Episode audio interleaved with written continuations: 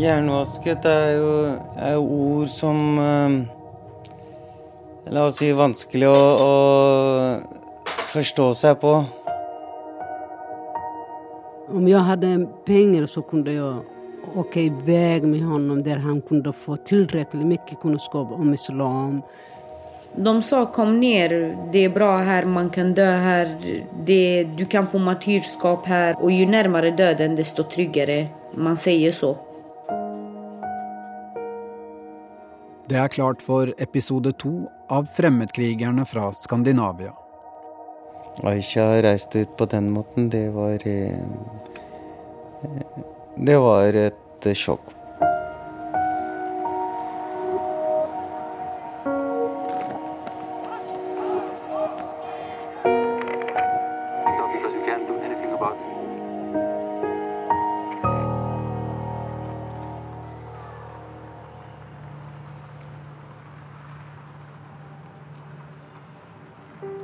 Skal vi tilbake til Vivalla, en forstad til den svenske byen Ørebro. I forrige episode hørte vi at tolv unge menn hadde reist til Syria og kommet tilbake høsten 2013. Sommeren etter har situasjonen utviklet seg. Terrororganisasjonen IS kontrollerer store områder og har erklært sitt kalifat, den islamske staten. Det svart-hvite flagget vaier i nyhetsbildet.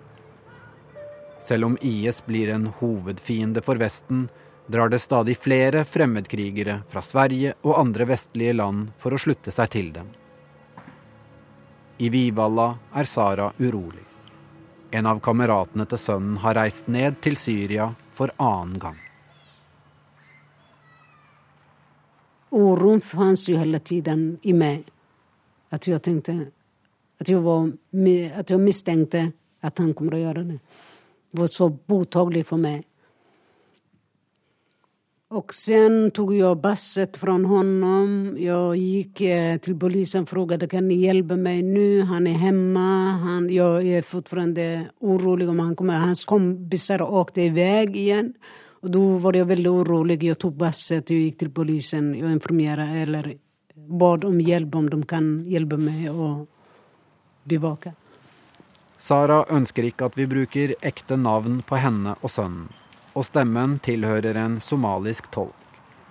For å hindre at Samir reiser ned igjen, frister Sara med penger og hjelp til å ta lappen. Jag bad honom ikke åke tilbake. Jeg kan gi deg penger, og eh, du kan åke i vei til noen annen sted og jobbe. Du kan ta kjørekort, du kan eh, begynne å jobba. Men han visade hela tiden att han inte hade tankar att åka tillbaka. Han visade väldigt smart sätt att han har lämnat och inte tänker på att åka iväg igen. Nej, jag kommer inte å åka. Jag, ni, ni behöver inte oroa er. Jeg kommer ikke å åke. En annen mor kaller vi Amina. Også her hører vi stemmen til en somalsk tolk. Aminas sønn Ali er kompis av Samir. Amina reagerer på at Ali følger så nøye med på mobilen en oktoberkveld han er på besøk, og at Ali kysser henne på pannen stadig vekk. han, han var glad og vi skrattade mycket men ändå han ser ut inte så på något sätt. Han kommer hela tiden och bossade mig här i banan och jeg jag sa till honom vad händer? Vad, vad vill du? Eller vad menar du? Men han säger inte någonting om det. Och i alla fall, sen jag, blir, jag ville sova. Jag sa till honom, så vi ses på söndag. Det er rundt midnatt når Ali forlater moren sin. En halvtime senere ringer nabokvinnene til Amina. De har sett noen biler på gata. Vi såg två bilar och det var de killar och din son. Kanske de ska resa tillbaka igen. Och eh, ja, men jag visste ingenting. Kanskje han kom til meg den kvelden for at det var noen slags At han skulle si hei da til meg. I bilen som kjører bort fra Vivalla, sitter både Ali og Samir. Samir har fått tilbake passet som moren tok fra ham. Han unnskyldte seg med at han trengte det hos arbeidsformidlingen som legitimasjon. Samirs mamma får nyheten om at de har reist neste morgen. Jeg var i kjøkkenet og lagde mat. Noen av kvinnene ringde meg, og hun sa, vet du at killene har åkt i Eh, Då ringde jag hans fru och hon bekräftade, jo det är sant, de åkte iväg. Och jag satte mig och var ledsen, jag grät. Då glömde jag maten som jag lagade så det kom rök i köket, fullt med rök. Brandlarmet gick. Den äldste sonen kom och han släckte branden och så tog han mig i armen och han förstod på en gång att detta har hänt. Och vi var ledsna, vi grät och folk kom och vi pratade och vi var mindre ledsna än förra gången.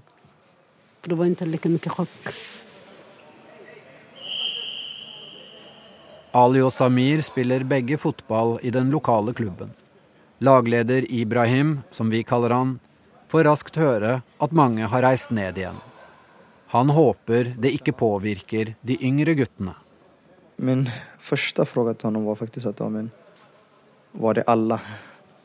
Då sa han, de vanliga, sa han. Jag hoppas att de inte påverkar framförallt de yngre killarna som går i gymnasiet och grundskolan att eh, tänka sådana tankar redan när de, de är så små. Det var enda tanken som jag hade, liksom, att hoppas de inte påverkar de yngre. Den lokale politimannen Fredrik Malm er ettertenksom. Han bidro til at Samir fikk jobb i parkvesenet for å komme seg på rett kjøl etter den første turen til Syria. Men brukte Samir lønna på å reise ned igjen for annen gang? Eh, Det der har jeg fundert mye på. Om vi ble lurade, bidro vi til hans biljett? Det jeg tror vi mistet, det var å fundere over hvorfor åkte han fra første begynnelse. Og nummer to, hvorfor kom han tillbaka? Vem var han när han kom tillbaka? Och om han nu i sin kompiskrets var en sån som åker iväg och eh, ska kriga. Och så lyckas han inte med det, utan han kommer tillbaka. Vem är han då? Ja, en misslyckande, bare bara en skam. Malm tenker at Samir kanskje følte seg mislykket. Først fremmedkriger, så tilbake i Vivalla for å klippe gress og rake løv. Og hva fikk han for noe å gjøre i stedet? Jo, so- sopa løv i, i, i närområdet. Det måste ju ha varit en otrolig skam för, för honom. Om man tänker sig in i hans kläder, vad, vad finns det kvar att göra? För att rädda, rädda sig själv och rädda ansiktet och rädda liksom hela, hela sin egen självbild. Jo, det är att resa igen. Och det var ju det han gjorde också. Ettersom månedene går, er Sara urolig for at flere av sønnene kommer til å bli fremmedkrigere for IS, de også.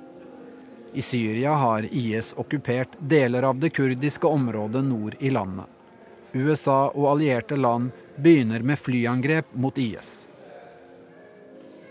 Så kommer det første dødsbudskapet til Vivalla.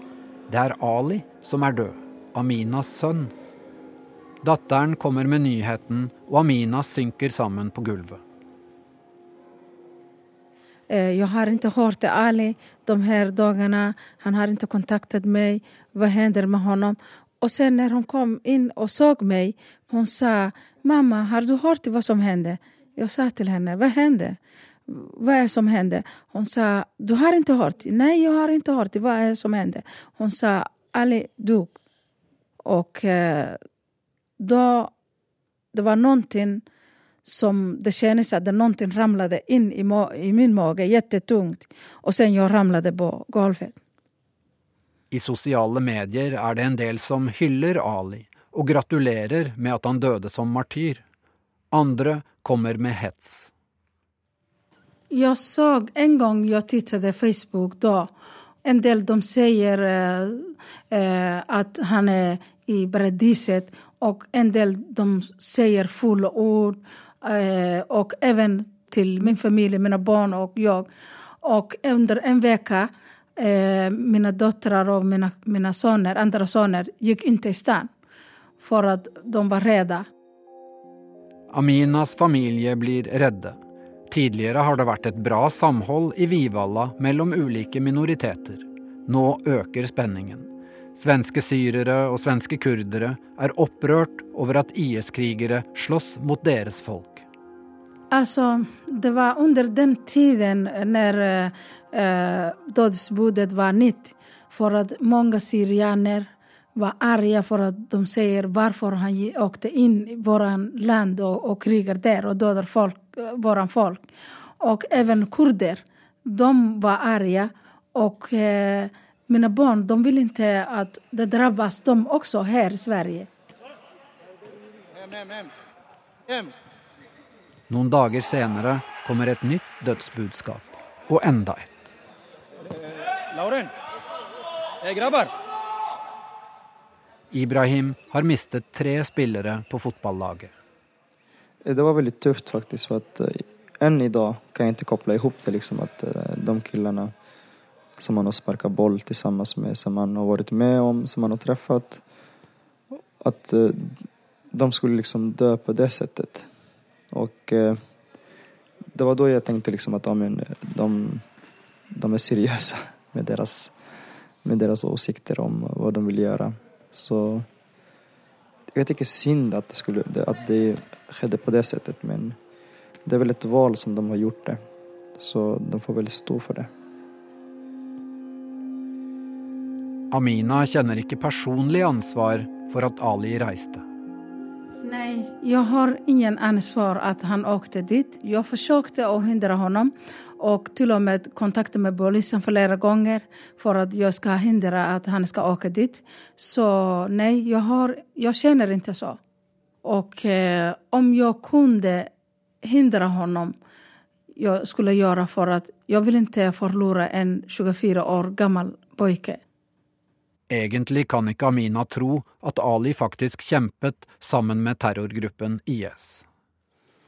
Nei, jeg tenker ikke så, for jeg tror ikke at min sønn eh, tilhørte denne ISIS. Det er jeg som oppfostret ham og er hennes mamma. Eh, ISIS det er noe som, som jeg anser hva de gjør er feil. Ja, vi som er muslimer, vi er også redde for dem de dödar barn, de dödar kvinnor, de dödar människor. Så, och det är någonting som är emot vår religion, islam. Så nej, jag tror inte att han var en sån människa som Isis. Mm. Jag kan inte beskriva hur jag kände, för det var hemskt. Sara, moren til Samir, har ikke fått noe dødsbudskap. Hun vet ikke om sønnen lever. Jeg tenker er de døde, så kommer han også dø. Fordi om de er så at de er samme sted, eller de er i samme land, og de andre sier det at de er døde, borte, da tenker jeg han kommer også dø. Han kommer også dø. Han kommer, kommer ikke finnes. Så tenker jeg. I januar 2015 får Sara kontakt med Samir. Han lover å være forsiktig, men vil ikke hjem til Sverige. Man såg at han var online eh, på Facebook. Och då ringde jag honom, han svarade. Och jag, grät, jag pratade med honom, jag försökte få honom att förstå att jag är orolig, att jag är ledsen, att jag vill att han kommer tillbaka. Och eh, grät hela tiden medan jag pratade och bad honom att komma tillbaka men han sa aldrig i livet kommer jag tillbaka till Sverige. Men han lovade, fast vad kan han lova? Han lovade mig att han inte kommer att finnas där det är stor risk att han skadas. Lovade han mig. Sen dess har jag inte pratat med honom. Sara forstår det slik at Samir har gitt opp Sverige og heller vil være i Syria uansett. Da forstod jeg at han var trött på Sverige, att han han hade problem i, Sverige, att han har gitt upp hoppet med Sverige. Så upplevde jag när han beskriver. Att han var trött och besviken och tappade hoppet om att leva i Sverige som normal. Han är mycket gladare att leva där än i Sverige. Han sa det, oavsett om jeg bor her eller i Sverige så kommer jeg enda dø noen dag. På våren innkaller det svenske sikkerhetspolitiet Sepo Sara til et møte. De forteller at Samirs kone har reist ned. Sara hadde håpet at Samir ville komme hjem pga. kona. Jeg var hos Sebo, som hadde samtale med meg. Og det var de som berettet for meg at Evin, fruen, har åkt. Jeg blir sjokket og ledsen. Da ringte jeg hennes telefonnummer, men hun svarte aldri. Sen hørte jeg nei, hun har åkt i vei. Jeg hoppades at han skulle komme tilbake ettersom hans fru var her, men da var hoppet, hoppet har forsvunnet på grunn av at fruen har åkt i På drøyt to år har et tjuetalls personer reist fra Vivalla for å slutte seg til ulike terrorstemplede grupper i Midtøsten. Fire er antatt døde. Rundt ti har vendt tilbake, og resten er igjen i Syria og Irak. Den lokale politimannen Fredrik Malm tenker at de har vært naive. Ja, det tror jeg. Og uh, jeg tror også at vi var litt naive i hva man kunne gjøre for å forhindre liksom, i, i åtgärder og sådär. Uh, når man prater med foreldre då, i början så var det jo mye det her veldig konkreta saker. Bare min son hadde et jobb eller bare min son gikk i skolen så skulle det her aldri ha hendt.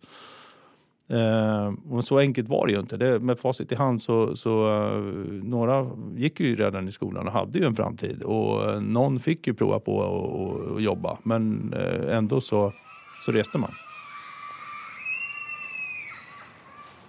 Sommeren 2015 pågriper politiet en 45 år gammel mann mistenkt for terrorrekruttering.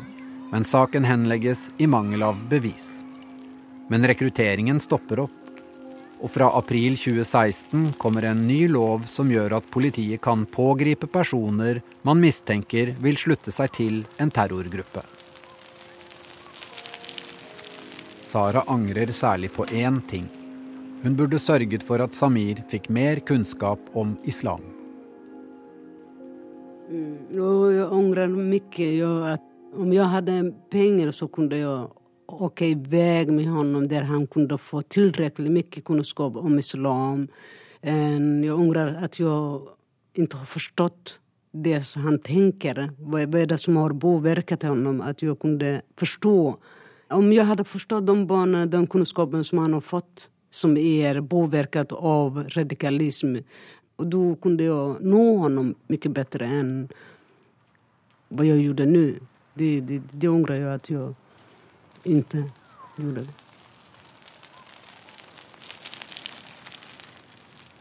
Det går over ett år uten at Sara hører noe fra Samir. Profilen hans på Facebook er blitt stengt. Om noen går bort eller lemne det, Det er min syn å gå videre med livet. Så jeg går videre med mitt liv og tar hand om mine barn som er kvar. Så tenker jeg. Denne personen har, er voksen og bestemt seg å lemne oss. Hun forsøker å glemme, men når hun ser en høyvokst ung mann i Vivalla, tenker hun på Samir. Kan det være at han er kommet tilbake? Så jeg tenker på samme sett. Om noen dør, så må man gå videre med sitt liv. Så tenker jeg. Når jeg er i, i sentrum og jeg ser lange killar, da tenker jeg er det han? Eller om, om jeg ser unge killar, långa, som går til moské eller fra moské, da tenker jeg på honom. Er det han? Men i det meste så forsøker jeg å glemme bort den og tenke noe annet.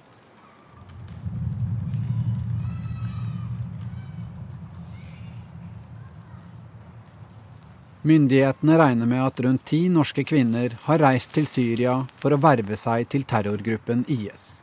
En av dem er Aisha. For to år siden tok hun med seg den lille sønnen sin til det krigsherjede landet. Hjemme i Norge sitter faren hennes igjen uten noen sikre opplysninger om hvordan det går med dem.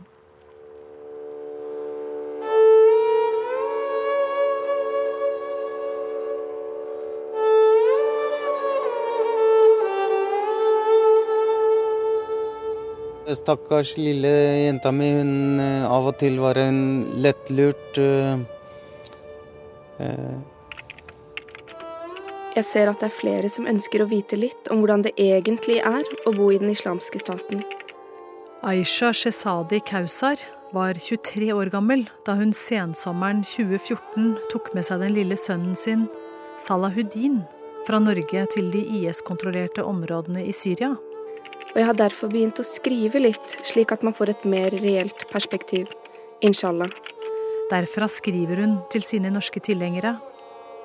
Det er en annen jente som her leser tekstene hennes. Jeg veit ikke helt hva jeg skriver, hvordan hun har greid å, å sette seg inn i dette. IS er en reell stat. Høsten 2015 valgte hun å skrive om livet på innsiden av IS fra en av sine Facebook-profiler. Når man gifter seg, får man tildelt egen bolig. Dette kan være i form av eget hus eller leilighet, avhengig av hva som er ledig. Man tror jo at man som kvinne skal komme ned dit for å kjempe på lik linje med mennene, men det er jo ikke sånn i det hele tatt. De sitter jo bare hjemme. Det er en av Aishas bekjente i Norge som forteller dette til oss. Hun vil være anonym, og vi har brukt en annen stemme enn hennes egen. Og de tenker jo at alt er perfekt. Den islamske stat gir deg til og med hus å bo i. Men de tenker jo ikke på at disse husene er det jo familier som har blitt frarøva. Og det finnes jo til og med bilder på Google av en mann og en kone som liksom er jihad, sammen. da. Bilde av en mann med skjegg som kysser en dame i nikab på hodet, ofte med våpen. Det er på en måte romantisk. Det er rart, men det er sånn det er, da. Straffesystemet i IS, som alt annet, er selvfølgelig basert på islams lover. Dommerne dømmer hver sak ut ifra sharia. Et øyeblikk, Marte. Den er grei, Marte. Takk skal du ha. Hei. Pappaen til Aisha, Naim Akhtar, kjører drosje og har alltid jobbet mye på kveldene og nettene. Han har forsørget familien, og kona har vært hjemme med barna. Gardermoen til Tullani. Syv pluss. Ja vel. कौन ला सकदा चल ठीक है jeg skal ringe han. Hei, hei. Datteren hans, Aisha, er en av rundt ti jenter som har reist fra Norge til den islamske staten i Syria. Foreløpig har ingen av dem kommet tilbake. At eh, Aisha reiste ut på den måten, det var eh, det var et sjokk for eh, de som hører det. Hun har vært en eh, flink jente. Um, hun har um, vært livsglad. Og eh, selvfølgelig litt bestemt. Men allerede på ungdomsskolen begynte noe å skje. For å være helt ærlig, jeg husker ikke plutselig hva som skjedde. Hun begynte jo å gå på det islamnett-greiene. Islamnett, eller Det islamske nettverk, er omstridt i Norge. Det fikk jeg med, og hun eh, kom hjem og fortalte at nå har vi fått så og så mange norske muslimer, og hun har konvertert så og så mange, og så skal de ha besøk av den og den, og her holder vi på med det. Mange norske konverterte i denne perioden. Og ennå så forsto ikke jeg det. Kommer det servering, vet du. Ja, ja. Name bor ikke sammen med moren til Aisha lenger. Etter et opprivende samlivsbrudd flyttet foreldrene fra hverandre. Moren til Aisha vil ikke bli intervjuet om datteren, men hun har heller ikke noe imot at vi lager dette programmet. Naim har giftet seg på nytt. Den nye kona serverer pakistansk te og samosa. En slags stekt potetkake. Det er jo det vi sier i ettertid. Man kan ikke se på de som eh, er eh, Litt grann, kanskje. Mm,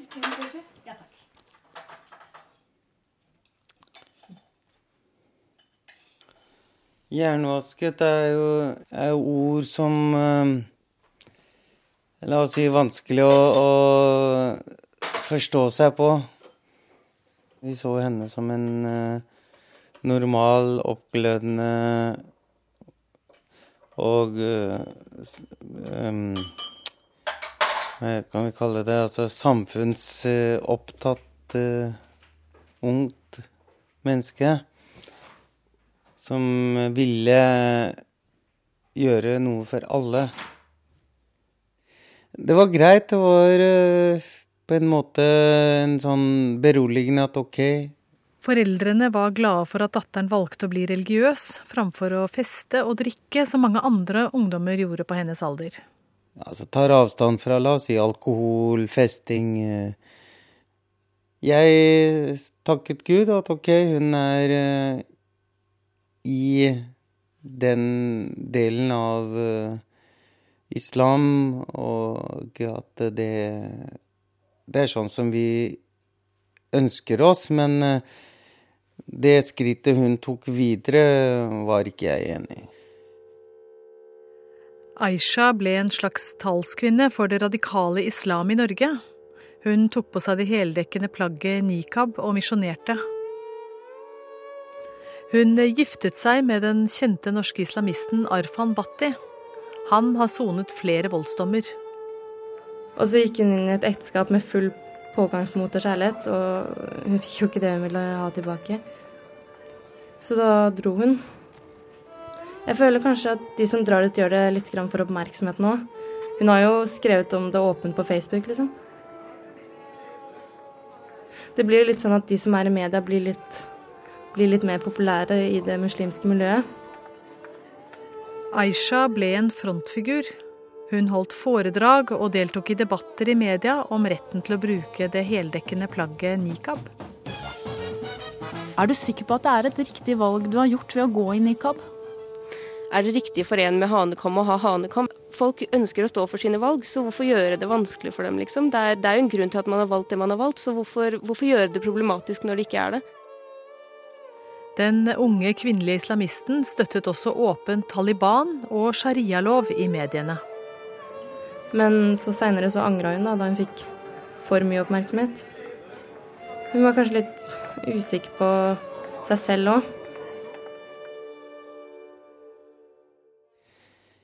Men du skjønte kanskje ikke at det var ekstremt eh, med en gang? Nei, altså ja, Altså Det falt ikke i tanken. For to år siden var det ikke mulig å forestille seg at datteren skulle gå en slik vei. Nå kan jeg kanskje liksom bidra med å fortelle andre hva som er skjedd. At man tror at eh, barnet går den rette veien, og så plutselig så forsvinner de. Og det fører til eh, ja, disse situasjonene som man ser nå. Aisha var en helt vanlig jente fra Bærum. Aisha har jo gått med bukse fra hun var liten, og det har de andre barna òg. Familien reiste til Pakistan, og Aisha ble igjen i Norge for å fortsette på skolen. Hun begynte å interessere seg for en mer bokstavtro tolkning av islam og Koranen enn den hun hadde vokst opp med. Ikke noen restriksjoner. De valgte det selv. Eh, Eh,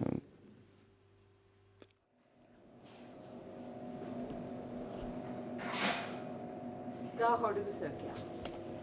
Flott, tusen takk. For ett år siden begynte Cecilie Stokke i den nyopprettede stillingen som forebyggende koordinator mot voldelig ekstremisme hos politiet i Asker og Bærum.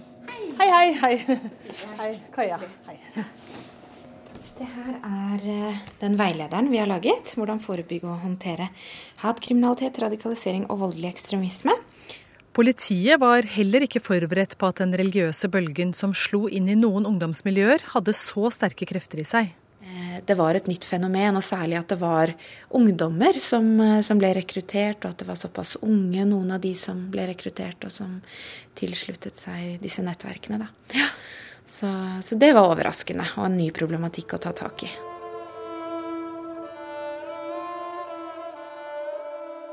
Hun er jo norsk. Hun er født i Norge, vokst opp her. Og Da er jo spørsmålet hvem er sin feil? Er det systemet sitt feil, eller er det vår eh, opp oppdragelse som er feil? Når jeg prøvde å liksom stoppe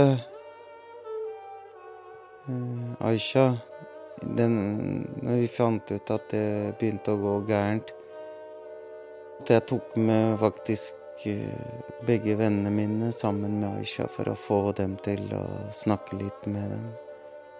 Da sa han Det er han vennen min at uh, jeg tror løpet er kjørt. Systemet har kanskje oppdaget uh, problemet, men de har ikke kommet med noe hjelp.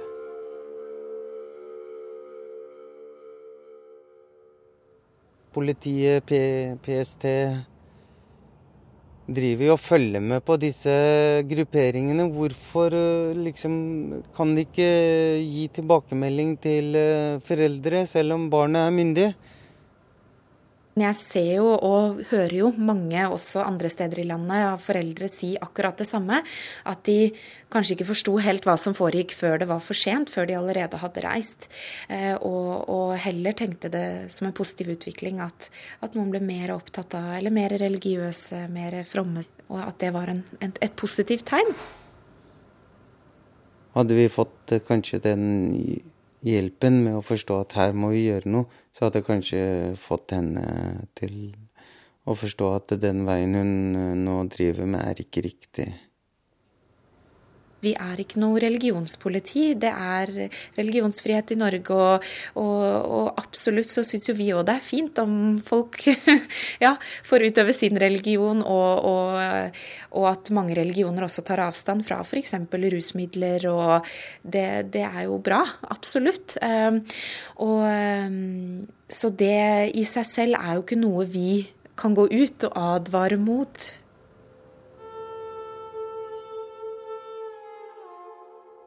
Sommeren før hun reiste, det var i august eh, måned, tror jeg.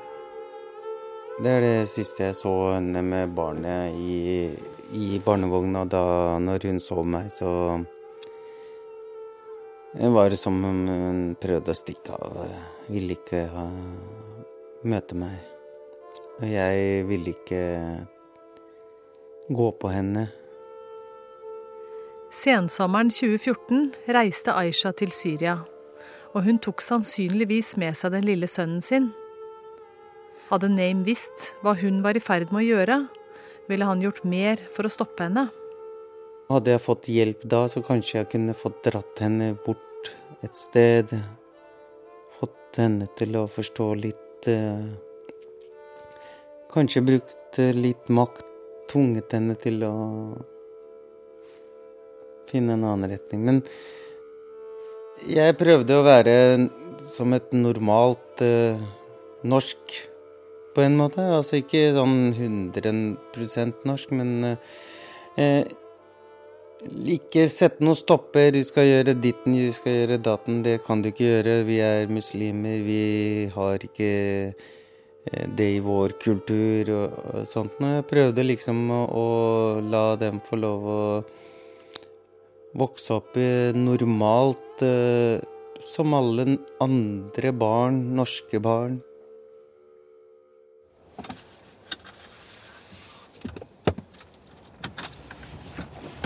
Hva, hva, tenker du som det aller, aller fineste du husker fra hennes liv, henne som personlighet? Altså Det er jo flere ting. Men eh, etter alt det andre negative rundt, må jeg grave lenge. Ja.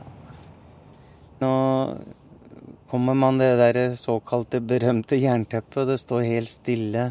Hva var det? Jeg husker jo noen tilfeller når vi sitter i stua, hun driver og leker og kommer bort til meg og liksom og ja, pappa, pappa og viser ting og, og sånn. Og så Og veldig glad og leken. Flink til å lære seg selvstendig. På bilder av Aisha er hun veldig lik pappa Name. De har begge tydelige trekk med markerte, store, ovale øyne. Men de har hatt et dårlig forhold i flere år. Hvis vi ser bakover, eh, la oss si det fokuset som jeg har brukt på mitt arbeid istedenfor uh, barna. Kanskje det.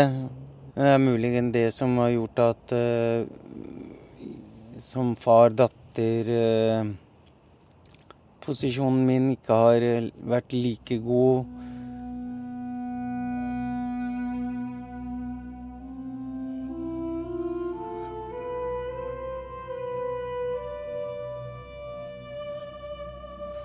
Hender det at du ikke får sove, eller at du våkner om natten og tenker på henne? Jeg får ikke sove. Jeg tar medikamenter som gjør at jeg får sove, for å si det sånn. Name har ikke hatt noen kontakt med Aisha etter at hun reiste. Så han vet ikke hvordan datteren lever. Men han vet at det har skjedd dramatiske og tragiske ting i livet hennes. Jeg tror ikke hun kommer til å komme tilbake. Og ja, hvis hun gjør det, så vil jeg i hvert fall ikke møte henne. NRK har forgjeves forsøkt å komme i kontakt med Aisha i Syria. Venner og familie vet bare noe om det som skjer i livet hennes. Mer om det i neste del.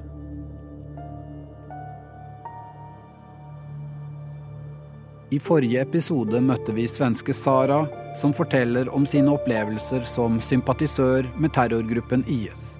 Sara er anonymisert, og vi hører en annen stemme. Sist var hun i tvil om hun skulle dra ned for å bli fremmedkriger.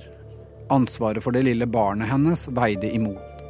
Men så utropte IS sitt kalifat, den islamske staten. Da minnes jeg at jeg begynte å gråte veldig mye för att islam så finns det en, en, en hadith, en återberättelse från profeten där han säger att innan domedagen så kommer det finnas eh, en kalifat på jorden och det trodde jag var just her og nå. Sara har mange venner som støtter IS. En del har alt reist til Syria. En venninne gir henne råd om å dra. Du har inget liv her i Sverige, du burde faktisk gå. Så jeg bestemte meg bare på en uke, og jeg flyttet herifra. På dette tidspunktet har Sara skilt seg. Hun får instruksjoner om å reise til grensen mellom Tyrkia og Syria. Hun drar i vanlige klær for ikke å vekke oppsikt, og tar inn på hotell med barnet. På morgenen så kom de og hentet meg fra hotellrommet, så som alle andre. Et tyrkisk IS-medlem henter Sara og andre europeiske kvinner som også vil over grensa. Kvinner fra land som Russland og Danmark. Flere med barn. De springer i rundt 200 meter, over grensen, men det er ingen vakter der. Når de kommer til et jernbanespor, forteller IS-kontakten at nå er de i den islamske staten. Nå er vi i Syria, og da så jeg folk begynte gå ned og de begynte buge for Gud, om man sier så. Jeg tenkte at uh, nå er det over og nå kommer jeg aldri mer å få se Sverige igjen. Og jeg var veldig glad for det.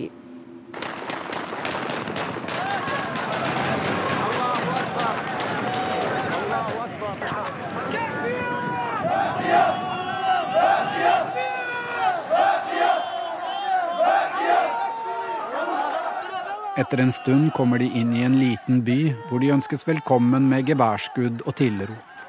Vi tas med til et primitivt hus uten strøm eller senger. Kvinner og barn sover på gulvet. Jeg forsto at det ikke fantes noen el. Vi, vi kommer inn i et hus, folk går rundt med fikklamper, og jeg spurte hvor vi skulle sove, og hvor alle de barna skulle sove. Og hun pekte bare rett ned på gulvet og sa 'her'. Og det var der de fikk sove, uten kudde, uten noe. Saras fortelling fra Syria er i store deler umulig å kontrollere. En del detaljer er tatt bort for å beskytte hennes identitet. Historien hennes er sjekket mot eksperter og hva andre har fortalt og rapportert. Sara forteller at de blir innkvartert i et gjestehus som IS driver. Andre kvinner som har forlatt IS, har beskrevet samme type kvinnehus. Det er et hus med masse kvinner, og så fins det en kvinne som bestemmer over alle kvinner. De er jo anlitade fra islamske staten for å bestemme over just det her stedet. Kvinner sitter og venter mens mennene deres er i krig, eller på at de kan flytte i et eget hus. Det heter, det heter Madafa. Det er der du eksempelvis, som hennes mann er på muasker, på eh, militæren, da sitter du der og venter på ham. Eller så sitter du der og venter på å få et hus. Du sitter der og venter på å uh, forflyttes. Du sitter der helt enkelt ut av ulike anledninger. I to uker er Sara og barnet hennes i kvinnehuset, som er overfylt og utrivelig. Ja, vi var veldig mange kvinner, kanskje 200 i bare det her huset. Og vi satt på hverandre, vi lo på hverandre. Jeg våkna på natten med mitt ben på hennes ansikt og hennes ben eh, på mitt. Det ble mye slagsmål der inne. Folk gillet ikke hverandre, folk størte seg på hverandre. Det er ikke lov å gå ut. Det er varmt og skittent. Sara er trøtt og sliten og havner i krangel med de andre kvinnene. Man fikk ikke gå ut, det var kjempesmutsig. Jeg ble hysterisk, jeg ble aggressiv, jeg ble kjempearg og trøtt på alle sett. Jeg ville derifra. Men jeg vet ikke hvor, for det fantes ingen bil som kunne komme og ta meg til Raqqa.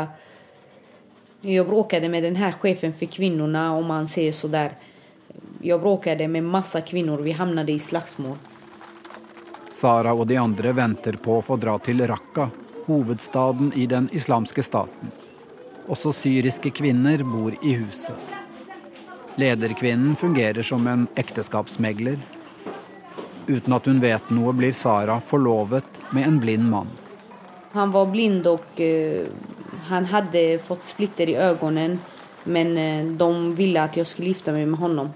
Hun tykte enligt uh, henne at jeg at jeg så bra ut og jeg passet til just honom. Men eh, enligt meg så var det bare en, altså en 'Hvorfor gjør du så her mot meg? Jeg vil ikke'. Sara nekter å gifte seg. Siden hun lager bråk, får hun og barnet bli med i en minibuss med 15 andre kvinner som skal reise til Raqqa to dager senere, hvor det er et annet kvinnehus. Da kom jeg til et annet Modafa, et annet kvinnehus i Raqqa. Da var det, det var også et jättesmutsigt sted.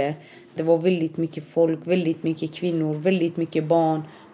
Både Sara og barnet blir matforgiftet av drikkevannet. Det første jeg gjorde, var at jeg satte meg opp og spy. Og jeg selv ble kjempesyk, ble forgiftet av vannet. Jeg hadde drukket vanlig vann. Barnen barna ble også forgiftet, så det var kjempejobbigt. Jeg ville ikke være der. Alt er forferdelig, inntil en av vennene hennes fra Sverige finner ut at hun er kommet og henter henne. Jeg hadde allerede gått ned ti kilo bare på de her to og en halv ukene. Og da hadde en av mine anhørige fått rede på at jeg var just der. Og da så denne personen kom og hentet meg fra Madafan, og jeg var overlykkelig.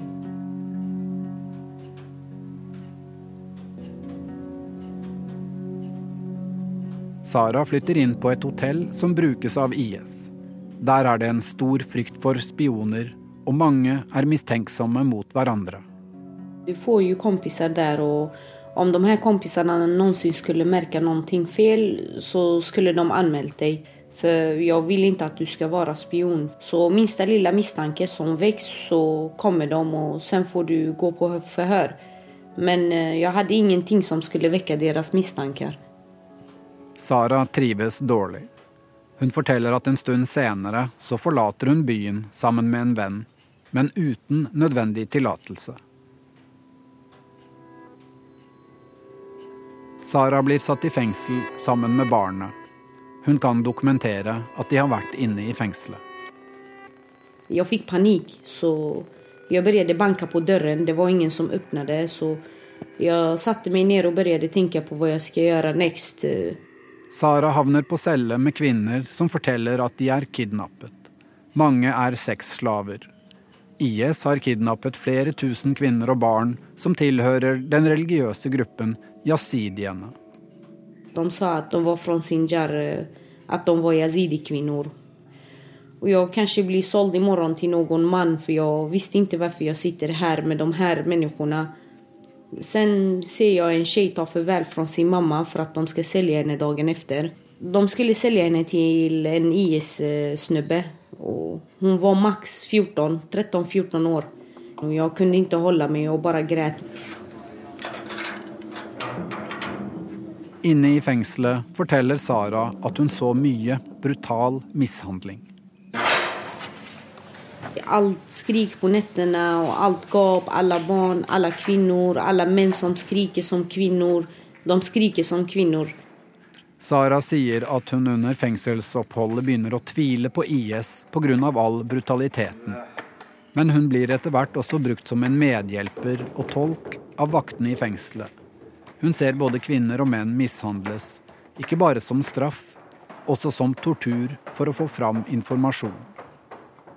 Eh, de hadde skutt hull i just det rommet jeg satt i, i veggen i døren. Det var en jerndörr, svart jerndörr, så jeg sjekket ut med ene øyet, og da ser jeg at en mann ligger der på golvet. Det stod tre menn som pisket honom eh, i 45 minuter. Etter en måned er tiden inne for at Sara skal slippe ut av fengselet. Hvordan det går, kommer i neste episode.